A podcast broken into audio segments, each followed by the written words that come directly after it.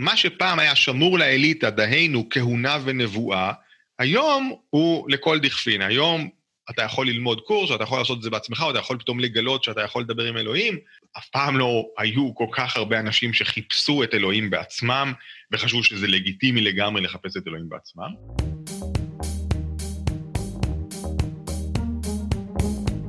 המצב הפוסט-אנושי, אקטואליה בראי העתיד. פודקאסט על טכנולוגיה, תרבות ורוח, עם דוקטור כרמל וייסמן. בפרק שעבר טענו שהמונותאיזם הוא זה שיצר את הייחוד האנושי והוא זה שהעמיד את האדם במרכז ההוויה. הדת היא למעשה הממד הפוסט-אנושי הראשון שלנו, כי הדת רואה את האדם כחלק ממערכת על-אנושית פנטסטית שנשגבת בבילתו. הרבה אנשים האמינו שדתות ילכו וייעלמו במאה ה-20, כי המדע והטכנולוגיה התחזקו, וספוילר, זה לא קרה. נהפוך הוא אפילו. הפילוסוף יורגן הברמאס והוגים אחרים כבר טענו שאנחנו בכלל חיים היום בעידן פוסט-חילוני. אבל הגרסה 2.0 הזאת של הדת היא קצת שונה. מה מאפיין אותה בעצם?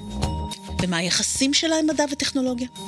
והאם מדע וטכנולוגיה בכלל מגיעים היום למעמד דת בפני עצמם? ואם ככה, איזה מקום יש לדתות בעתיד? על כל הדברים האלו נדבר עם דוקטור תומר פרסיקו, שהוא מרצה אורח במכון למשפט עברי ולימודי ישראל באוניברסיטת קליפורניה בברקלי, ועמית מחקר במכון שלום הרטמן. אז בואו נתחיל. Discovery Roger, go for deploy. הציבור תופס את המדע והדת כהפכים. אבל זה לא תמיד היה ככה. מי שלומדים היסטוריה של המדע מבינים מהר מאוד שלמעשה הדת די אחראית לקיומו של המדע. היא קידמה וטיפחה אותו, ולמשך רוב ההיסטוריה האינטרסים של השתיים האלה היו די זהים.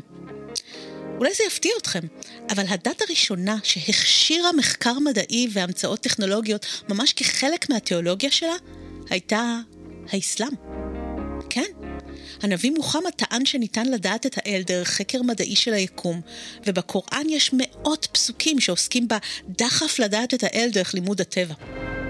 החל משנת 800 לספירה ועד לשלהי ימי הביניים בערך, העולם הערבי היה ממש המכה, pun intended, של עולם המדע. האלגברה הומצאה בבגדד. המילה אלגוריתם קרויה בכלל על שם שיבוש שמו של מדען מוסלמי אל-חוואריזמי, והמספרים שכולנו עושים בהם שימוש היום הם מורשת של אותו תור זהב של מדע אסלאמי. היו להם אפילו מעין רובוטים כבר במאה ה-12, בובות אוטומטיות שמזגו יין או ניגנו מוזיקה, שפותחו על ידי אל-ג'זרי, מעין ליאונרדו דה וינצ'י המוסלמי. בנצרות החיבור למדע לא היה טבעי כל כך כחלק מהתיאולוגיה, היה צריך להמציא אותו. וההיסטוריון דיוויד נובל התחקה אחרי הרגע הזה שבו החיבור הזה ניצת.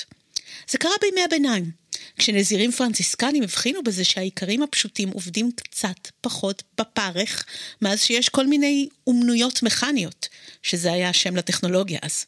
דברים שאפשר להפעיל בשדה כדי להקל על האדם.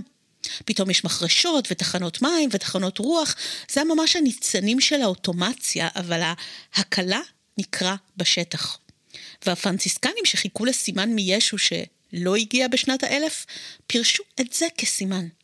האדם הרי נענש בעבודת פרך לאחר הגירוש מגן העדן, והנה, הקלה. ברור שזה סימן משמיים, נכון? אז באמת, מהתקופה הזו התחילו להופיע בהגות הדתית הפרנציסקנית כל מיני אמירות מעניינות על טכנולוגיה ומדע. למשל, שהמדע והאומנויות המכניות מקורן באורו של האל והן גם מובילות אליו. ושהמטרה שלהם היא להשיב אותנו למדרגת האדם הראשון בגן העדן לפני הנפילה. משם נולדה הצדקה לקדם מדע, שהלכה והתפשטה בעולם הנוצרי, ונולד גם מושג חדש של אוטופיה כגן עדן שאפשר לבנות עלי אדמות.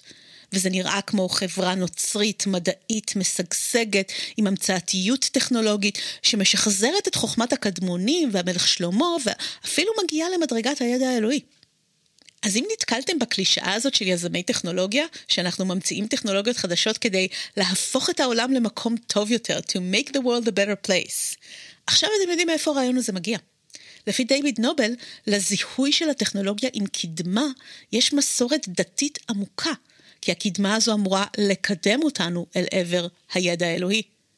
בנאורות החילונית שימרו את הרעיון של הקדמה, רק היעד הדתי שלה היטשטש או נשכח בהדרגה. עוד יותר מזה, כרמל, המדענים עצמם האמינו.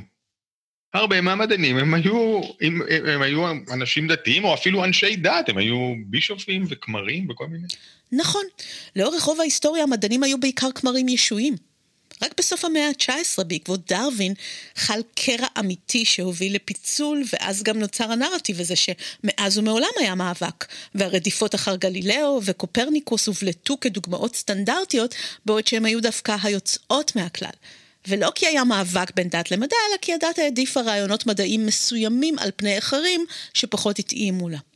האם היום אנחנו חיים בעצם בקיצונות השנייה? כלומר, זה מאוד לא אופנתי להיות אדם מאמין בעולם המדעי. אפילו שרוב העולם הוא עדיין עולם מאמין והאתאיזם הוא סוג של מיעוט, הוא מתנהג כמו רוב. והוא אכן רוב בעולם המדעי. מעניין, לא? זה שהוא מתנהג כמו רוב זה אולי בגלל שהוא אליטה מסוימת שאנחנו כולנו מכבדים מאוד, אבל, אבל למה באמת מדענים הם יותר אה, אה, חילונים מהשאר? זאת שאלה מאוד מעניינת, ואני חושב שצריך לענות עליה ב, בשלוש אה, תשובות שונות.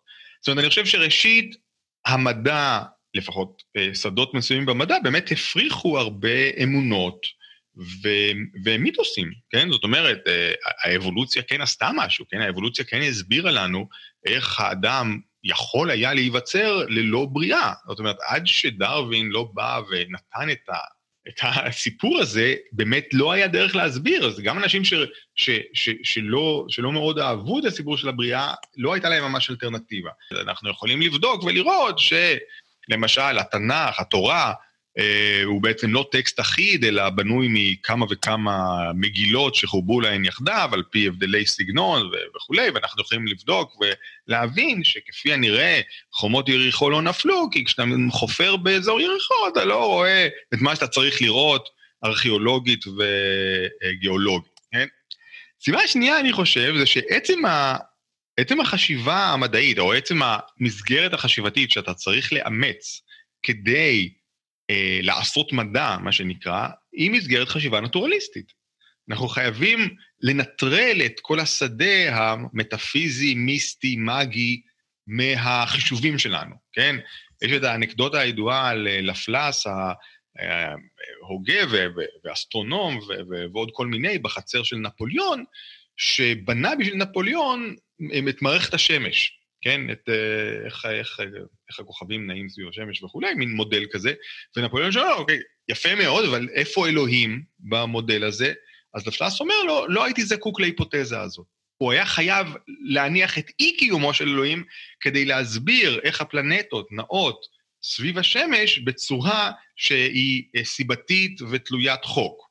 נכון? אחרת, אלוהים פשוט רוצה וזה קורה, ואין לנו הסבר מדעי. ואני חושב שה... הסיבה השלישית, אה, אם, אם עליי לומר, הסיבה השלישית היא גם שהמדע, אה, היא גם קשורה לצורת החשיבה המדעית, והיא קשורה לדרך שבה המדע מחלק לנו את העולם לפרודות או לאטומים או למונדות, לחלקים קטנים שבעצם פועלים אחד על השני, אם בכוח פיזי או בכוח כימי או בכוח ביולוגי. העולם הוא, העולם הוא מחסן גדול של דברים ש... אה, שכמו כדורי ביליארד פוגשים אחד את השני ומשפיעים אחד על השני. עכשיו, זאת צורת חשיבה שמביאה ברכה רבה ו, אה, והישגים מדעיים לא מבוטלים כמובן, זאת אומרת, זאת צורת החשיבה ש, שנותנת לנו את, ה, את הטכנולוגיה שלנו, אבל זו צורת חשיבה שרואה את העולם בצורה מסוימת, ואני חושב מסתירה צורה אחרת של ראייה, צורה של ראיית העולם יותר באופן הוליסטי, יותר באופן שבו הדברים, העולם הוא לא מחסן של חפצים, אלא הוא, הוא, הוא מרקם אחד, הוא לא רוצה להגיד אורגניזם, כי זה נשמע קצת יותר מדי אה, מיסטי, אבל, אבל הוא איזשהו, איזשהו אחדות שבתוכה קורים דברים, אבל יש קשר בין כל דבר לכל דבר אחר שהוא יותר מסיבתי, פגישתי כזה, קוזלי. ופה אני חושב שלצורת החשבה המדעית יש, יש בעיה, כי, כי אם אנחנו יותר מדי מתמכרים ל, לראייה הזאת של העולם כמחסן, אנחנו בעצם מפספסים את המימד שאני חושב שהוא אמיתי, של העולם כאחדות, כאחדות הוליסטית. ואני חושב שפה זה איזושהי נקודה של עיוורון שהיא, שהיא מצערת, כי זה, כי זה כן פספוס של, של מימד מאוד חשוב במציאות. זה לא שלא היו מדענים ש, שניסו למצוא איזושהי נקודה משותפת או למצוא איזושהי תיאוריה כוללת שמכלילה גם את נקודת המבט הפרודתית, אטומיסטית של העולם, וגם את נקודת המבט השלמה ההוליסטית של העולם. היו כאלה, למשל, אחד מהם הוא דיוויד בום, אה, פיזיקאי, הוא קודם כל, אה, היו לו הרבה שיחות שהן גם מוקלטות עם המורה הרוחני קרישנמורטי וההוגה קריש, אה, ג'ילו קרישנמורטי, שהן מאוד מעניינות. ויש לו ספר שלם שנקרא Wholeness and the Implicit Order, שלמות והסדר המוטמע. אה, שבו הוא מנסה לתת תיאוריה כזאת של, של, של איך העולם הסיבתי עובד יחד עם איזושהי, איזשהו הוליזם. זה, וזה מדען רציני, כמובן שיש לך מיליון רבי מכר היסטריים כמו הטאו של הפיזיקה וכל מיני, של פיוטרוף קפרה וזה, שכמובן עשו, ולפעמים גם העלו רעיונות מאוד מאוד מעניינים, אבל, אבל הם לא היו מדענים. אז ניטשה הכריז על מות האלוהים בסוף המאה ה-19, אבל לא באמת הצליח להרוג אותו. תזת החילון שניבאה ירידה בכוחה של הדת הופרכה. מה השתבש? תראי, כשאנחנו מדברים על, ה, על, ה, על התקווה הזאת, על ההבטחה הזאת, שככל שיהיה יותר אה, מדע, אז יהיה יותר חילון, יהיה פחות דת, או לפעמים זה ככל שתהיה יותר השכלה, יהיה פחות, לפעמים ככל שאיכות החיים, התנאים המטריאליים יהיו יותר גבוהים, היא תהיה פחות דת, לפעמים ככל שתהיה דמוקרטיה, תהיה פחות דת. ככל שכל ההבטחות האלה שמבטיחה לנו הנאורות, שנושאת בחובה הנאורות, אה, ילכו ויתממשו, כך אנשים ייפרדו מהמיתוסים שלהם, מהמסורות שלהם, מהאמונות שלהם וכולי. הסיפור הזה עצמו הוא מעין מיתוס מכונן של הנאורות, של תנועת הנאורות, וזה בעצם מה שהיא מעידה על עצמה, או מה שהיא מנסה להבטיח לנו. הנה, אנחנו מביאים מסר חדש וצורה חדשה לחיות, ולא נצטרך יותר את הצורות הישנות. אז אני אגיד לך, אני בהחלט חושב ש, שלזרוק את כל הסיפורים האלה אה, מאחורי הגב ולהמשיך הלאה תוך התעלמות מהם, זאת, זאת באמת, באמת שגיאה קשה, אני חושב. קודם כל כי העולם בסופו של דבר, עד כמה שבני אדם השתנו, ואני לא חושב שאנחנו אותו דבר כמו שהיינו לפני אלפיים שנה, הרבה מהבעיות שלנו עדיין הן אותן בעיות. המתחים הכתבים השונים בעולם שלנו ובחיים שלנו הם עדיין אותם כתבים. למשל, המצוקה שיכולה להיות לנו בבחירה בין, בין חופש למשמעות, או בין, בין חופש למסגרת, או אה, המתח בין שמרנות לפרוגרס, המתח בין זכר לנקבה, המתח בין, אה, בין מסגרת ליצירתיות, בין קהילה ליחיד, בין אוטופיה למציאות. הדואליזמים האלה, כאילו, הכתבים השונים האלה עדיין נמצאים מסביבנו ומכתיבים את החיים שלנו, וכל אחד צריך להתמודד איתם אה, בחייו. במובן מסוים, אנשים חשבו עליהם כבר אלפי שנים, וחלק מהחוכמה שאנשים הגיעו אליה, כשהם חשבו על, ה, על המתחים האלה, נמצאת במיתוסים שלנו, כן? נמצאת ב, ב, בסיפורים הגדולים של המסורות הדתיות. אני, אני רוצה ישר לשלול איזושהי ביקורת על התפיסה הזאת שיכולה להיות בכך שאנשים יאמרו, טוב, בסדר, אבל, אבל יש המון סיפורים, כן? יש המון מיתוסים, יש המון אגדות. גם אני יכול להמציא עכשיו על אה, סיפור על עם שלא יודע מה, כן? אה, אה, בנה כרכרה מוזהבת ו, ו, וחצה את השמיים, ב, כן? במסעו אל החופש, או וואטאבר, כן? היו המון, היו המון דתות, והיו המון כתות, והיו המון קבוצות, והיו המון אנשים שסתם המציאו סיפורים, אבל אלה ששרדו, אלה ששרדו את מבחן הזמן, אני אומר, גם מתוך היגיון אבולוציוני, הם כנראה הסיפורים שיש להם משמעות בשבילנו, הם כנראה הסיפורים שבני אדם הרגישו, במודע או שלא במודע, שהם אומרים להם משהו חשוב, ולכן הם נאחזו בהם, ולכן סיפורים אחרים עבדו בתהום הנשייה, כי אף אחד לא חשב שמספיק חשוב להעתיק אותם שוב ושוב ולזכור אותם בעל פה ולהעביר אותם מאב לבן וכולי. לכן הסיפורים האלה, למרות שהם לא התרחשו באמת, זה לא שאני בא ואומר יש להם תוקף כמשהו עובדתי, היסטורי, ואולי דווקא בגלל שהם לא התרחשו באמת, ומישהו טרח להמציא ולשכלל ולשפר ולשמר, דווקא בגלל זה יש להם המון משמעות, ואנחנו יכולים אה, להיוועץ בהם בדרכים שונות כשאנחנו צריכים להחליט על, על, על הדרך בין אותם כתבים שמניתי קודם. יחד עם זה שתהליך החילון לא הולך כפי שחשבנו שהוא ילך, או כפי שבמאה ה-19 ובמחצית הראשונה של המאה ה-20 חשבו שהוא ילך, דהיינו, באמת הדת הולכת ודועכת עד כדי אה, חוסר משמעות, והעולם מתנהל בצורה רציונלית ונאורה. עם כל זה שזה לא קורה, זה לא אומר שלא היה תהליך חילון. אני חושב שבהחלט היה תהליך עצום של חילון, אנחנו במקום שונה לגמרי ממה שהיינו אה, לפני 200 שנה, ואני אומר לך את, ה, את הדוגמה הפשוטה לכך, לדתות הממוסדות היום יש הרבה פחות כוח. זאת אומרת, במובן הזה היה חילון עצום, הדתות הממוסדות שולטות על הרבה פחות אזורים של החיים שלנו, לא רק על זה שהן לא מפעילות את בתי החולים שלנו והן לא מפעילות את בתי הספר שלנו כפי שהן הפעילו בעבר, הן גם לא אחראיות על, ה, על, על, על, על המענה ש, שאנחנו נותנים לשאלות מהו טוב, מהו רע, מה משמעות החיים, איך יודעים אה, מה צריך לעשות בסיטואציה מסוימת, מה... אה, אה, למה יש לשאוף וכולי. על השאלות הכי עקרוניות האלה, הכי קיומיות האלה, הדת כבר לא עונה בשביל רוב האנשים, גם האנשים שמאמינים, כן? גם האנשים ש, שיש להם איזשהו סוג של אלוהים. אז הדת הממוסדת איבדה המון מכוחה. אנחנו חיים בעולם אחר לגמרי. ודאי שהאמונה לא נעלמה, וודאי שיש עדיין אנשים דתיים, לא רק אלה ששייכים למסורות ה... אה, מסורתיות, אנשים שמאמינים בצורה אינדיבידואלית בכל מיני דברים שהם אה, אימצו לעצמם. וזו תופעה שהולכת וגדלה. אז נראה שניטשה בכל זאת הצליח להרוג לאלוהים משהו, את המיסוד שלו אולי. ומה שיש לנו היום זה גל שני ושונה של דת. תומר מנסה לאפיין מה שונה בו בעצם. תמיד הייתה דת קולקטיבית ודת אינדיבידואלית, בוא נקרא לזה ככה, בסדר? והדת הקולקטיבית היא אותו, אותה מסגרת חברתית ש, שבעצם שמה אותנו בקואורדינטות גם, גם פיזיים וגם מוסריים וגם מטאפיזיים, כן? אנחנו יודעים מי אנחנו ומה אנחנו ומה אנחנו צריכים לעשות, מה טוב ומה רע וכולי. ו- והיא הדעת שעד לפני 200 שנה הייתה הצורה הנפוצה וכמעט הבלעדית של דת.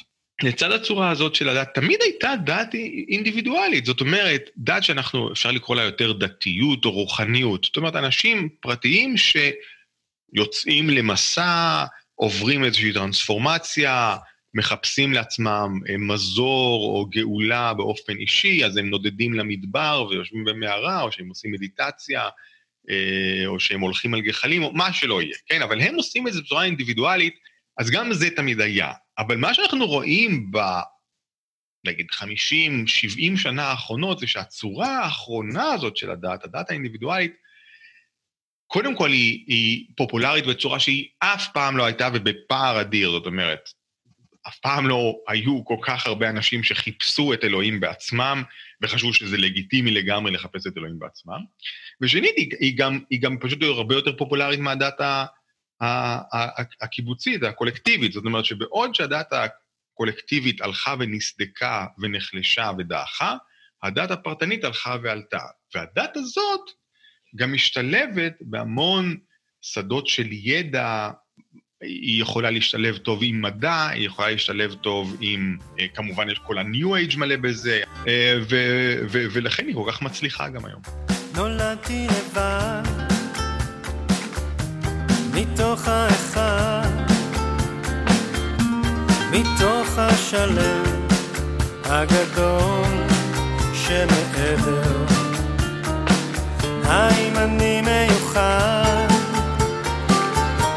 שנולדתי לבד, או שאני סתם אחד שהולך עם האל רבות מחשבות, רבות מחשבות, כמו עננים בראשי הן עוברות, רבות מחשבות, רבות מחשבות, מאין באות ולאן הן הולכות. איפה השקט? איפה האמת? איפה האהבה? איפה השקט? איפה האמת? איפה האהבה? תודה רבה לאור ופליזה זוהר על השיר "נולדתי לבד" מתוך אלבומם החדש "קץ הפלאות". בזמן שאתאיסטים לוחמניים כמו ריצ'רד דוקינס מנסים ללא הצלחה, אגב, לדכא דת, הפילוסוף אלן דה בוטון הציע שאולי יש דרך אחרת להיות אתאיסטים. דרך שמכבדת את הדת ומכירה בהצלחה העצומה שלה להבין משהו עמוק על טבע האדם או איך עושים קהילה. הוא הציע את הדת כמודל לחיקוי עבור מוסדות אחרים. ואפשר לראות שעוד לפני זה מותגים גדולים כמו אפל למשל, העתיקו אלמנטים מיתוגיים, ריטואליים וקהילתיים מדתות. ואז פתאום הרבה דברים מתחילים לדבר כמו דת, להיראות כמו דת ולהרגיש כמו דת. אפילו המדע. יש מושג כזה שנקרא מדעיזם, סיינטיסיזם, שזה לתפוס את המדע והשיטות שלו כאבן הבוחן היחידה לאמת. הקריטריון היחיד להסביר את העולם, וזה דבר שעשוי אה, ליצור רדוקציה של המורכבות של העולם, ובעצם זה משתמש במדע להצדקת הכל. זה הופך לסוג של דוגמה דתית בפני עצמה, ו, וזה לא המדע, לא ככה עובד. אולי זה קורה בגלל שהמדע צריך להתגונן היום מול שיח דתי באמצעות רטוריקה דתית. למשל, כשיש מאבקים בין בריאתנות לאבולוציה, או בעד ונגד משבר האקלים, אנשים מסתובבים בהפגנות עם שלטים כמו I believe in science, כן? אני מאמין במדע. והשימוש הזה באמונה בהקשר למדע, מבחינה רטורית הוא מרתק. איפשהו אני מסתייג מה... מה... מהתחביב הזה, נקרא לו ככה, לקרוא לכל מיני דברים דת. זאת אומרת, המדע יכול להיות דת, והפסיכואנליזה היא דת, וכדורגל זה דת, וכולי וכולי, כל מיני דברים הם דת. ואני אגיד לך מה, מה הסיפור. זה נכון שהדברים האלה, המסגרות החברתיות האלה, או הנרטיביות האלה וכולי, יכולות לשבות את ליבנו, ואנחנו יכולים, אה, נגיד, באמת להאמין בהם ולהישבע אמונים, נגיד, לדבר הזה, וזה יכול להשתלט לנו על החיים וכולי, כן? אבל יש הבדל גדול בכל זאת, אה, בין כל הדברים האלה לבין דת, כפי שאנחנו הכרנו אותה בעבר. הדתות בעבר הציעו מסגרת שחרגה מהאימננטי, שחרגה מהעולם הזה, שחרגה מהכאן והעכשיו. אלוהים הוא משהו הרבה יותר גדול ממני, הוא מחליט בשבילי לא רק איך העולם ייראה, אלא גם מה טוב ורע, ואני חייב דין וחשבון ל... לכוח הזה או לישות הזאת או לאמת הזאת, כן? עכשיו, זה דבר שאין לנו בכדורגל וב, ובלאומיות, שהיא גם למשל דת, כן? וב, אה, ובמדע. כי אלה תוצרים אנושיים שיכולים להשתנות על פי ההחלטות, אולי לא שלי, אבל של החברה שלי, ואני יכול לשכנע את החברה שלי לעשות ככה או אחרת, או לנסות וכולי. אלה, כל המסגרות האלה הן מוגבלות לאימננטי, הן מוגבלות לעולם הזה, אין להן טרנסצנדנציה, ולכן אני מהסס לקרוא להן דת במובן היותר עמוק של המילה. אפשר לדבר פרק שלם רק על ההגדרות השונות והמשתנות שיש למושג דת. יש הגדרות שקשורות רק לאמונה, יש הגדרות שקשורות רק לאלמנט מוסדי או לריטואלים. יש הגדרות תפקודיות, כמו זאת של הסוציולוגיה אמיל דורקהיים, שאומרת שדת היא פשוט מוסד שעושה הפרדה בין קודש לחול. ויש גם הגדרות פוסט-מודרניות שמנסות להכיל כל מערכת אמונות ופרקטיקות שרואות את עצמן כדת. לתומר יש הגדרה שמרנית יותר. אבל דווקא היא מאפשרת לכלול בתוכה כמה דברים שאולי יפתיעו אתכם. אולי מדע לא, אבל טכנולוגיה כן. אז אם אנחנו מכניסים מימד טרנסצנדנטי לתוך, ה, לתוך האמונה שלנו, לתוך המסגרת שאנחנו כאילו מנויים עליה, כן? וזה יכול להיות באמת, הטכנולוגיה, זה יכול להיות, ופה אפשר להפוך לאומיות למשהו דמוי זה, או מתקרב מאוד, כי המדינה היא גדולה מאיתנו, והיא מבטיחה לי חיי נצח בזה שיזכרו אותי אחרי מותי וכולי. אם אנחנו נכנסים לזה, אז זה מתחיל להיות באמת דומה לדת. בטכנולוגיה, כפי שאמרת, יש באמת כל מיני כיוונים שאפשר לראות את זה קורה.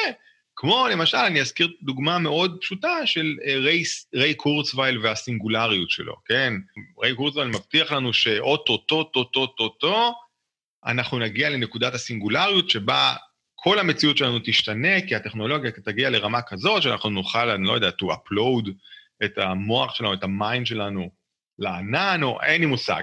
אבל ברור שיש פה איזושהי ציפייה ש, שאפשר לקרוא לה משיחית, לטרנספורמציה מוחלטת בחיי האדם ובחיי החברה, ולכן התקווה הזאת שלו והאמונה שלו, נקרא לזה ככה בטכנולוגיה, היא משהו דתי. זה רעיון אמוני, זה נבואה יותר מאשר תחזית מדעית. תזת הסינגולריות היא רעיון אחד בתוך השיח על טראנס ופוסט אנושיות. האופק שממתין לנו מעבר להיותנו רק בני אדם. חוקרת היהדות חווה תירוש סמואלסון ניתחה את הפעילות הטרנס-הומניסטית בכלים של דת, והיא טענה שיש פה חפיפה תפקודית. התנועה הטרנס-הומניסטית עוסקת בעיקר בהערכת חיים רדיקלית והרחבה של היכולות האנושיות מעבר לביולוגיה, נושאים שאנחנו נקדיש להם בעתיד פרקים נפרדים. אז תירוש סמואלסון חושבת שסוד הפופולריות של הרעיונות הטרנס-הומניסטיים האלה, שאגב, אנשים מכירים אותם מהשיח הציבורי, הרפואי, המדע בדיוני, גם לא שמעו את המושג הזה בעבר, זה שהוא נוגע בדחפים דתיים עמוקים שיש בכולנו, אבל בשפה חילונית. כן, יש פה משהו היברידי, ובעצם יש פה איזושהי הקסמה מחדש, re-enchantment של החילוניות, סוג של רוחניות חילונית. חוקר הגיימינג והטרנס-הומניסט ויליאם ביינברידג' טען שטרנס-הומניזם תהיה הדת של הציוויליזציה הגלקטית העתידית. כלומר, לא שתיעלם האמונה, כן, זה איזה טוויסט חדש על תזת החילון, אלא שהיא תופנה כלפי מדע וטכנולוגיה, כי הם ישכללו אותנו וירחיבו את היקום שלנו בפועל. בעצם הביולוג ג'וליאן הקסלי טבע את המושג טרנס-הומניזם בתוך ספר משנת 1927, שנקרא דת ללא התגלות, Religion Without Revelation. והוא בעצם הציע את זה שם כדת חדשה. דת שהיא האמונה באדם, ביכולת שכלול הטבע האנושי שלו בעזרת מדע וטכנולוגיה, ביכולת שלו להתעלות. מה זאת אומרת דת הומניסטית? אם אנחנו אומרים שאנחנו מאמינים באדם וביכולתו, כן, אפילו יכולתו האינסופית או משהו כזה, זה הומניזם, כן? זה, זה, זה עדיין לא משהו שחורג מהאדם. אני בכל זאת רוצה להיאחז במאפיין המאוד חשוב הזה של דתות עבר, בין אם יש להם אלוהים ובין אגב אם אין להם אלוהים, גם הבודהיזם שאין לו אלים לכאורה, כן? הוא עדיין מדבר על חריגה מהמצב האנושי, כן? על משהו אחר, משהו שאנחנו נכנסים אליו שהוא טרנסצנדנטי למצב האנושי, ואני חושב שהמאפיין הזה מאוד חשוב כדי שאנחנו נדבר על דת. אוקיי, okay, עד עכשיו דיברנו על טכנולוגיה עתידית, אבל גם הטכנולוגיות הדיגיטליות הנוכחיות כבר מחוללות שינוי עמוק בדת. היכולת לעשות דיגיטציה לכל חומר, מתמונה ועד ל-DNA, זה ממש להפוך חומר לרוח, למשהו לא חומרי. אבל מרחבי האינטרנט הם לא דמיוניים, יש להם תכונות חומריות ואחיזה ממשית בחומרה במציאות. אבל צריך להבין שיש כאן פלטפורמה למימוש רעיונות תיאולוגיים לא פחות מאשר יישום מדעי. שאני הזכרתי בעולם האידאות של אפלטון, כן? הרי האינטרנט בשבילנו היא סוג כזה של עולם אידאות, כן? של של, של, של האמת שנמצאת אי שם, וגם אפשר להגיע אליה. זאת אומרת, גוגל יענה לנו תשובה על כל שאלה, כן? כי אנחנו יכולים, אה, יש לנו גישה למאגר הידע או התבונה האוניברסלי, כן? אז במובן הזה, נכון, כל מיני רעיונות כאלה מתגשמים, ואני מסכים איתך גם שזה איפשהו מנכיח את הרוחני, כי יש פה עולם שלם שהוא מעלינו, כאילו ענן כזה, שאנחנו יכולים לשלוף ממנו דברים. חוקרי דת ומדיה טוענים למשל שהאינטרנט מתפקד כמעין מרחב שלישי, שמטשטש את כל ההבדלים בין אה, מוסדות ליחידים, בין דת לתרבות פופולרית, בין קודש לחול, בעצם עושה עבודה הפוכה לאותה הפרדה שהמוסד הדתי טורח עליה לפי דורקהיים. וזה מאפשר לדת, שנתפסה לפני כן כספירה נפרדת, קדושה, שאסור לה להתערבב עם פוליטיקה או דברים אחרים למשל, לחלחל חזרה לחיי היומיום שלנו. ופתאום הדת היא בכל מקום. בגיימינג, בממים, בקבוצות של וידואים בפייסבוק? התפיסה שלנו של דת כמשהו שהוא חלק מהחיים, אבל הוא איכשהו נגיד נשגב, ואולי עליון, וקצת מופרד מהחיים, כי זה מה שאנחנו עושים ביום א', כשאנחנו הולכים לכנסייה, וזה לא מעורב בפוליטיקה, ולפעמים זה בכלל לא נוגע לחיי היום-יום. התפיסה הזאת עצמה, שמשותפת לכולנו בעולם המודרני, היא תפיסה נוצרית. היא תפיסת הדת והאמונה, הפייס, בעולם הנוצרי. והיא תפיסה שאנחנו כולנו ירשנו בגלל שאנחנו חלק היום מהעולם הנוצרי, בגלל שהעולם הנוצרי פחות או יותר מכתיב את, ה, את התרבות במידה רבה בכל העולם. אבל אם תסתכלי על היהדות או על האסלאם, הרי הדתות האלה, כן, או המרכיב הדתי במסורות האלה חולש על כל החיים, מהדרך שבה אתה זורע את הזרעים בשדה ועד הדרך שבה אתה יוצא למלחמה, איך שאתה מתחתן ומקיים יחסי אישות, וכן, ובוודאי איך שאתה מתפלל, אבל, אבל זה כל החיים, כן? אז מה שאת מתארת זה בעצם איזושהי חזרה לתפיסה הרבה יותר נפוצה, פשוט לא נוצרית. אבל החידוש היום, ופה הם מוסיפים על זה, הוא שזה לא סתם טשטוש, אלא רימיקס. נוצר פה משהו חדש שגדול מסכום חלקיו, משהו שלא יכל להתחבר קודם לכן, כי הוא מורכב מהפכים. למשל, דת אתאיסטית. כן? יש המון דתות חדשות שהן אתאיסטיות לחלוטין, וזה אוקסימורון, דת אתאיסטית. דת מפלצת הספגטי המעופפת היא אולי המוכרת והגדולה שבהם. זו דת שיצרה מיתולוגיה סביב ישות מומצאת, בתור התרסה נגד לימודי בריאתנות כתיאוריה מדעית בבתי ספר. אבל היום מדובר כבר במוסד דתי בינלאומי, עם למעלה ממיליון וחצי מאמינים והכרה רשמית בלא מעט מדינות. אני לא חושב שזאת באמת דת, אני... הרי, יודעת מה, זה בעצם זאת הטרלה, כן? זאת הטרלה. זה, זה אנשים ש, שנמאס להם מהמקום הפריבילגי שמסורות דתיות מקבלות בחברה, אה, והם אומרים, אה, אם, אם, אם לדתות יש, נגיד, אה, כל מיני אה, צ'ופרים, החל בהקלה במס ועד לימי חופש מהצבא, אם אתה מכריז שאתה, לא יודע מה, כן, לא מתגלח בספירת העומר או whatever, כן? אז גם אנחנו, כן, גם לנו יהיו פריבילגיות ואנחנו נוכל להצטלם לתעודת ה... לרישיון הנהיגה שלנו עם uh, סיר פסטה על הראש, כן, מסננת פסטה על הראש, והלכם דתיים עלובים, כן? תראו שגם אנחנו יכולים להמציא שטויות.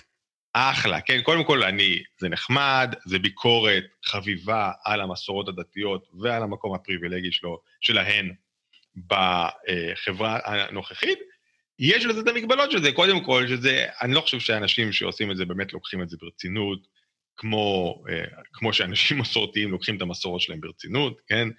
יש פה איזשהו חוסר, לא רק חוסר כנות, אלא גם חוסר תוקף אה, למה שהם מבקשים מהמדינה. זאת אומרת, אם אני רוצה, אה, נגיד ניקח דוגמה קיצונית, לפצוע את התינוק הקטן שלי באיבר מינו, להטיל בו מום, כן? ולהקיז את דמו וכולי, בשם המסורת שלי, כן? זה דבר נוראי, כן? זה דבר שלא היינו מרשים לאף הורה לעשות אה, אה, בשום אופן, אבל אנחנו מרשים להורים לעשות את זה. למה?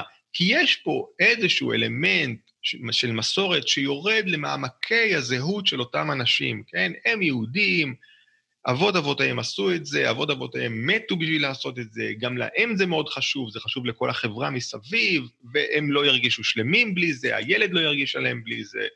שוב, זה, ללבוש את המסננת הזאת על הראש עם ה... כאילו, בראשון נהיגה, זה אחלה, זה אחלה קטע, כן? זה, זה גג מעולה, אבל זה לא משהו שהם מוכנים למות בשבילו, זה לא משהו שהם מוכנים אפילו להתקרב ללמוד בשבילו, הם גם לא יהיו מוכנים לשלם עליו הרבה כסף, כן? ובוודאי לא לאבד את מקום עבודתם, או לעבור דירה רק כדי לבצע אותו, כן? כמו שאנשים כן עושים בשביל הדת שלהם, כל הדברים האלה, כן? בשביל המסורת. אז עכשיו, אם אנחנו מבינים שחופש דת הוא מצפון, שבאמת מקבל מעמד פריבילגי בכל החברה המערבית, החל מהמאה ה-17, כן? אם אנחנו מבינים שזה ככה, בגלל שאנחנו, בגלל שדת היא דבר מאוד חשוב לאנשים, לא סתם, כן? זה בגלל שזה באמת יורד למעמקי הזהות של אנשים. אז, אז אנחנו מבינים שההטרלה הזאת, היא קצת משחקת משחק אה, כפול, כי מצד אחד היא משתמשת בפריבילוגיות האלה, אבל היא לא עונה על הסיבה שבגלל זה אנחנו נותנים לדת פריבילגיה כזאת, כי אנחנו לא סתם עושים את זה, אנחנו עושים את זה כי זה ממש חשוב. ואני רוצה, ואני אגיד עוד משהו ל, ל, ל, למאזינים בינינו שהם לא דתיים ושהם חושבים שדתות זה שטויות. תחשבו על המעמד הפריבילגי, הרי אנחנו מדברים על חופש דת ומצפון, תחשבו על המעמד הפריבילגי שמקבל אה, למשל סרבן מצפון פציפיסט, שלא מוכן אה, או מוכנה להתגייס לצה"ל, כן? היינו רוצים, בעולם אידיאלי, אה, שהמערכת תשחרר את האנשים האלה, שלא תאלץ אותם להתגייס. עכשיו, לפעמים צה"ל באמת משחרר. אני מוכן להסכים שמעט מדי, אבל, אבל לפעמים הוא משחרר. עכשיו, למה הוא משחרר? בגלל שהפציפיזם בשביל האנשים האלה הוא דבר מאוד חשוב, הוא יורד למעמקי זהותם, הוא חלק מהם, הוא חלק מהעולם הערכי שלהם, הוא חלק מהעולם הקיומי שלהם. אני, אני מביא את כל הדוגמה הזאת רק כדי להראות, ש, ש, שוב, להדגיש את החשיבות של חופש דת ומצפון גם בשביל אנשים אתאיסטים. למשל, במקרה שהם פציפיסטים, או במקרה שהם צמחונים, או טבעונים וכולי. יש דברים שמאוד מאוד חשובים לנו, שהחברה אמורה להתחשב בנו אה, בגללם. אם את אומרת שזה עלה מרמת הטרלה לרמה שאנשים מאוד מעורבים בזה, וזה לוקח חלק עצום בחיים שלהם, והם מושקעים בזה, וזה עדיין יכול לעלות לרמת תחביב, ועדיין לא לרמת דת, זאת אומרת, כן? זה עדיין יכול להיות כמו שכדורגל הוא בשביל אנשים אחרים, וכן, אה, אופנה זה בשביל עוד אנשים. אבל אם את אומרת לי שאנשים מושקעים עד כדי כך שהם מוכנים להקריב כל מיני דברים בשביל זה, מקום עבודה, או מקום מגורים, או מערכת יחסים, או אני לא יודע מה, אז אני, אם זה ככה, אז אני קודם כל מוריד את הכובע, ואני אומר, אוקיי, זאת כבר מסורת, נקרא לה דתית, זה בהחלט תנועה דתית חדשה, אם ככה, כן? אם הקרבה זה הקריטריון של תומר, אז ממש לאחרונה שמענו שמנהיג אה, כנסיית מפלצת הספגטי המעופפת ברוסיה נעצר, ושמעתי גם מאחד הנציגים הישראלים שראש הכנסייה באיראן נמלט למערב, לאחר ששניים מאנשיו הוצאו להורג בתלייה על חילול הדת. נראה לי שזה מזמן כבר לא רק בדיחה, כי בשלב של חבל התלייה או המאסר, כל טרול מצוי היה אומר לו, לא, לא, סתם צחקתי. ואם זה ככה, אם זה באמת משהו שעד כדי כך חשוב לבני אדם, כמובן שהם בדין צריכים לקבל את ההקלות וההתחשבויות וכולי, ש, שזה, זה משהו אחר. אז בעצם זה שקיימים כל מיני דברים כאלו, זה ממש עושה דקונסטרוקציה, זה ממש מפרק את ההגדרה של מה זאת בכלל דת כבר. האם המושג דת הופך להיות מטאפורה, מטבע לשון בלבד, מילה ריקה מתוכן שמתארת הרבה מאוד דברים, כמו המילה קהילה למשל? אני דווקא מנסה להגדיר מה זה חילון. איך העולם נפרד מה, מההגדרות האלה, בעיקר מהראשונה, מהדת הקולקטיבית, והפך להיות משהו אחר, כן? ופה אני מדבר על עלייה של איזושהי תפיסה עצמית הרבה יותר אינדיבידואלית או אינדיבידואליסטית, האוטונומיה לא רק כאפשרות, אלא גם כאידיאל. אם אני לא אעשה מה שאני מרגיש שנכון, אני אחטא לעצמי, כן? אני אעשה משהו, אני אני אהיה מנוכר מעצמי, וגם תהליך שלם שבו מקורות של מוסר ושל זהות ושל משמעות הפכו להיות פנימיים במקום חיצוניים. זאת אומרת, האדם הפנים את מקורות המוסר, המשמעות והזהות שלו. אני יודע מה טוב ורע על ידי זה שאני נועץ בתבונה או במצפון שלי, לא על ידי זה שאני הולך לכנסייה והכומר מספר לי, או שאני קורא באיזשהו, בתלמוד, כן? ואני מקבל את משמעות החיים, את משמעות הקיום, על ידי זה שאני, למשל, אה, נאמן לאינטואיציה שלי. השינוי הזה, שבו אני בעצם מוצא בתוך עצמי את כל מה שאני צריך כדי לחיות, גם הוא מרכיב חשוב בחילון. נגיד הבודהיזם היה, היה במקום הזה כבר לפני 2,500 שנה, הבודה אמר, אוקיי, תסתכל, תבין, ותגלה ותצא לחירות וכולי. אבל העצמיות או חוסר העצמיות ש, שעבודה לימד לגלות, לא הייתה קלה ולא הייתה קרובה, היא הייתה באמת מאוד מאוד רחוקה והייתה באמת איזושהי התעלות לגמרי מעל העצמי. מה שאנחנו רואים היום זה גישה הרבה יותר, נקרא לזה קלילה לסיפור הזה, כן? אני מתבונן פנימה ואז אני מאמין באינטואיציות שלי, או אני מגלה את הניצוץ הפנימי, או את, ה, את האלוהים שבתוכי, וזה לא קשה לגלות אותו, כן? למשל, יש את כל הסיפורים האלה, את כל הספרים האלה על לדבר עם אלוהים, איך שיחות עם אלוהים. הנחת המוצא של הספרים האלה, שזה מאוד קל לדבר עם אלוהים. ש, ש, שבעצם אנחנו, אנחנו פשוט לא יודעים איך, אבל אם, הוא י, י, י, אם את תקני את הספר ותקראי, הוא, הוא יסביר לך איך מדברים עם אלוהים. זה גם הנחת המוצא בתקשורים, זה בעצם כל אחד יכול להיות מתקשר, כן? לא כמו פעם. זאת אומרת, מה שפעם היה שמור לאליטה, דהיינו כהונה ונבואה, היום הוא לכל דכפין. היום אתה יכול ללמוד קורס, או אתה יכול לעשות את זה בעצמך, או אתה יכול פתאום לגלות שאתה יכול לדבר עם אלוהים, או שאתה יכול לקבל תקשור. כל דבר כזה, זאת אומרת, יש לגמרי דמוקרטיזציה של הנבואה ושל הכהונה, כי אתה גם יכול לה... לייסד את הדת שלך ואת הטקסים שלה ולחנוך אנשים אחרים וכולי וכולי. הפוטנציאל האנושי הוא אינסופי, אבל לגמרי טאפבל, כאילו לגמרי אתה יכול תוך שנייה להגיע לזה, תוך קורס קטן ואתה מגיע לזה. אני חייבת להודות שיש פה משהו קצת מקומם.